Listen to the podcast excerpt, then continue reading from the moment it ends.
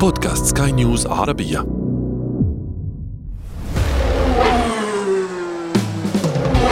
محركات برعاية موتو برو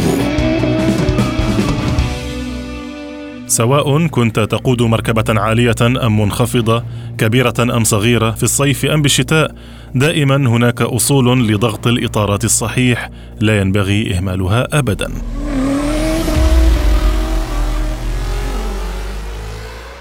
أنا أشرف فارس وأصحابكم في حلقة جديدة من برنامج محركات حيث نهتم بتقوية ثقافة المركبات لديكم.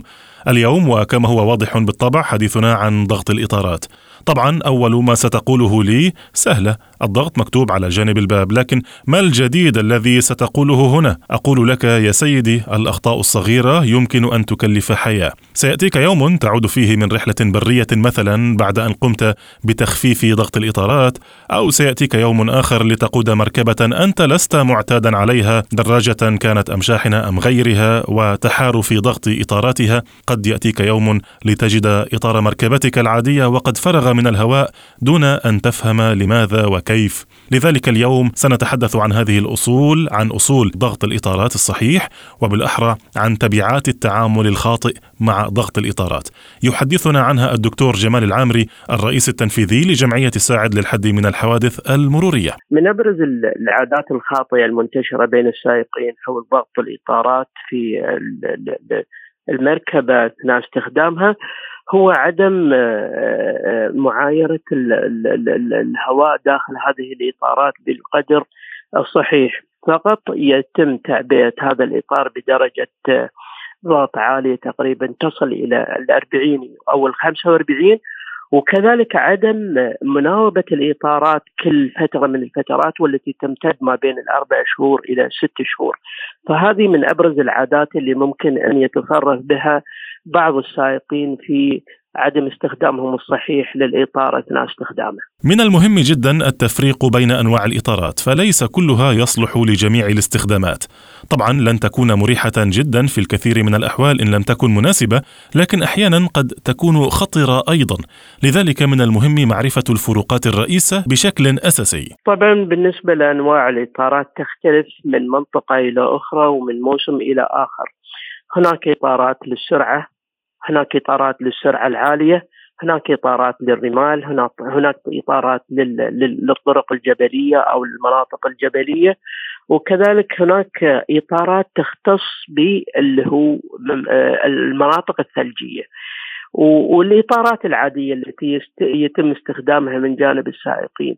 فلا بد أثناء اقتناء هذه المركبة التدقيق لأن الجزء الأهم من هذه المركبة ألا وهي الإطارات. فإذا كانت الإطارات لا تتناسب مع المنطقة التي يتم استخدامها في المكان الصحيح فمن المتوقع أن تحدث الحوادث أو تحدث أيضا الكوارث. على سبيل المثال إذا كنت أنا أستخدم إطارات عادية في مناطق ثلجية أو أني أنا أستخدم إطارات عادية في مناطق جبلية فهنا منطق اللي هو تأثير الإطار أو فاعليته لن يأتي بنتيجة أو سوف يتم انفجار هذا الإطار خاصة في المناطق الجبلية.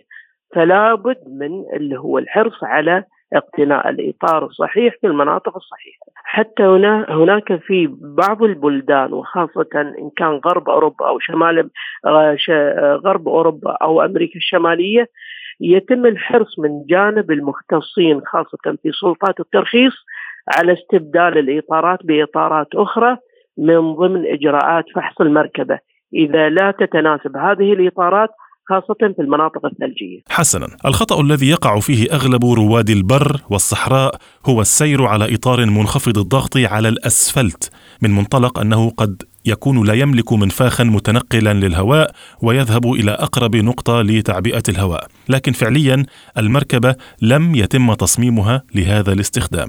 أه لا ننسى بالنسبة لخطورة السير بإطارات منخفضة الضغط قد تصل إلى 20 أو أقل من ذلك خاصة أثناء الرحلات البرية أو وسط الصحراء أثناء التجول والدخول بها من بعد انتهاء هذه الرحلة الصحراوية إلى نهر الطريق ومن هنا يتم استخدام هذه الإطارات بالضغوط أو الضغط المنخفض مما يؤدي إلى كارثة، الكارثة أن يتم انفجار هذه الإطارات في آن واحد وكذلك أيضا تدهور هذه المركبة وتتسبب بعض الحوادث في حالات وفاة جميع ركاب هذه المركبة.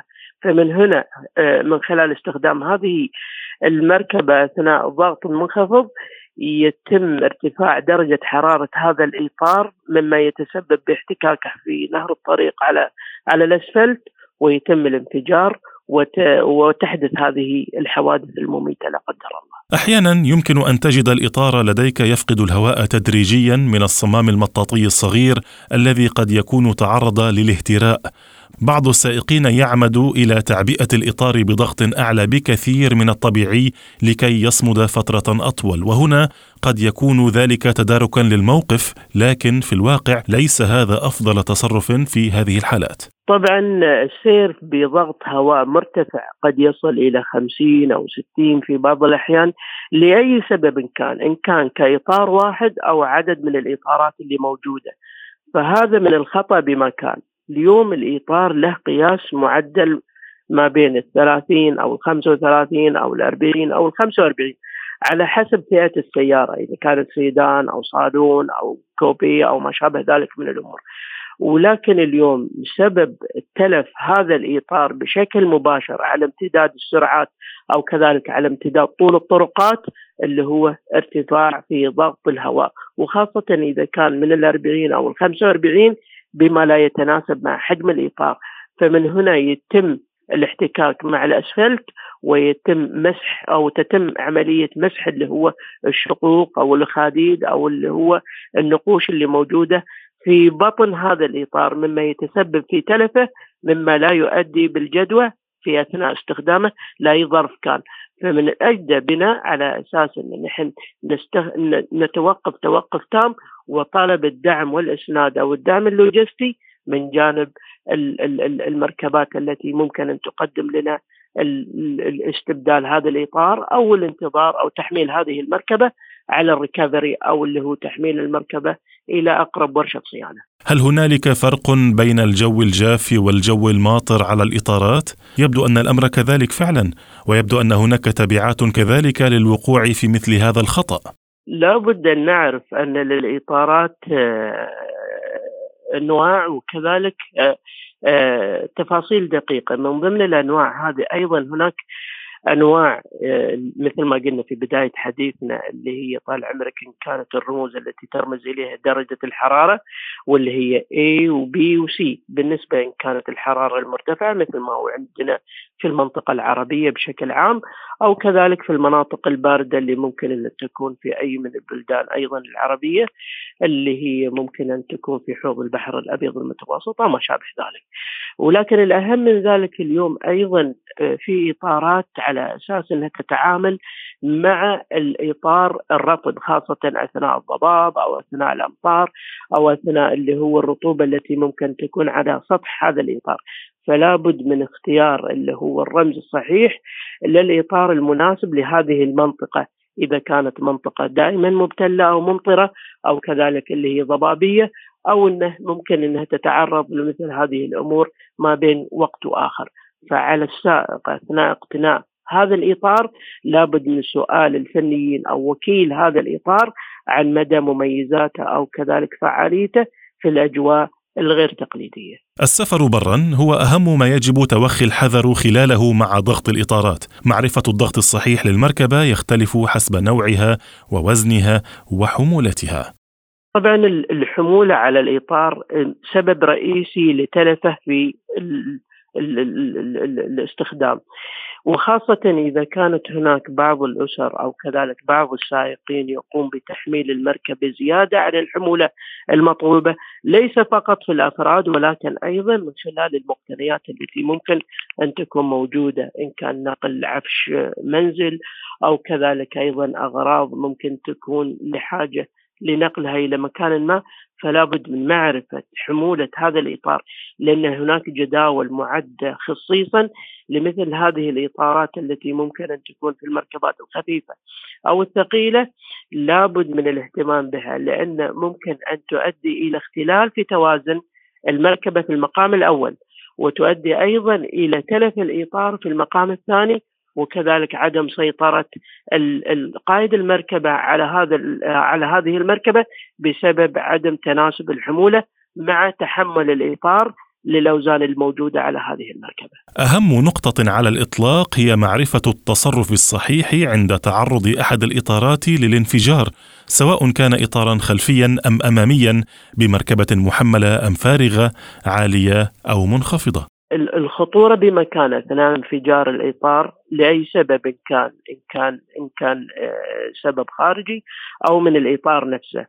فعدم ال ال ال ال ال الانتقال إلى اللي هو استخدام المكابح المحاولة بأن تتم إيقاف هذه المركبة قدر الإمكان بالسيطرة على مقود هذه المركبة لغاية ما أن تتم عملية اللي هو نزول مستوى السرعة تدريجيا وحتى الوصول إلى درجة الأمان.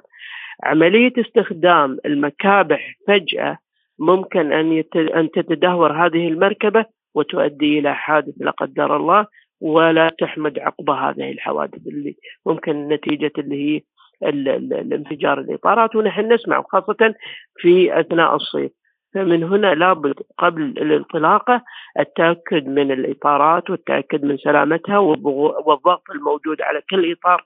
وكذلك أيضا التأكد من أي من الأشياء اللي ممكن أن تكون موجودة مثل هذه الانتفاخات أو التشققات التي ممكن على امتداد المسير أن تؤدي بنتائج عكسية. دعونا نعود خطوة للوراء. منذ البداية قد يخطئ أحدهم أصلا في تعبئة ضغط الإطارات وقد يستمر في القيادة إلى أن تبدأ المشكلات لا قدر الله. عملية الإطار والضغط الهواء الموجود فيه تتفاوت ما بين اللي هي درجة الحرارة في الصيف ودرجة الحرارة في الشتاء. فطبعا نحن نعرف أن الهواء يتمدد بالحرارة وينكمش بالبرودة. فإذا كانت هناك درجة الحرارة منخفضة فمن المعقول أن يتم استخدام الضغط المتناسب أو اللي هو ما بين درجة 30 إلى 35 أما بالنسبة إذا كان طال عمرك بالنسبة لعملية اللي هو ضغط الهواء في فصل الصيف فلا بد من زيادة ضغط الهواء بنسبة من 5 إلى 10 درجات بالنسبة للإطار اللي ممكن أن نستخدمه في جميع إطارات المركبة. دائما وابدا نقول الاحتياط واجب، الإطار الاحتياطي لا يقل أهمية عن أي إطار في المركبة، فحصه والتأكد من جودته وضغطه هذه كلها أمور أساسية. فحص الإطار الاحتياطي لا يقل أهمية عن بقية الإطارات الأربعة للمركبة لسبب أن هذا الإطار بأي حال من الأحوال لأي سبب ممكن يكون استخدامه.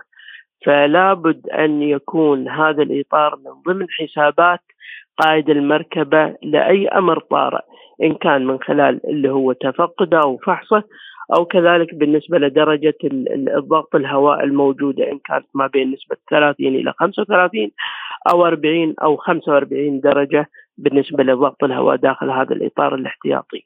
وإذا ممكن أن يكون هناك أيضا بعض الإطارات العادية وليست اللي هي التقليدية اللي نحن نستخدمها على على على نفس نقوش مثل هذه الإطارات. هناك يمكن يكون إطار ليس به ضغط هواء ممكن يكون من الإطارات اللي هي الصغيرة ولكن تتناسب مع ارتفاع المركبة. فهذا لا غبار عليه بحيث إن أيضا نحن نتفقده ما بين وقت وآخر لإمكانية استخدامه في الطوارئ. محركات.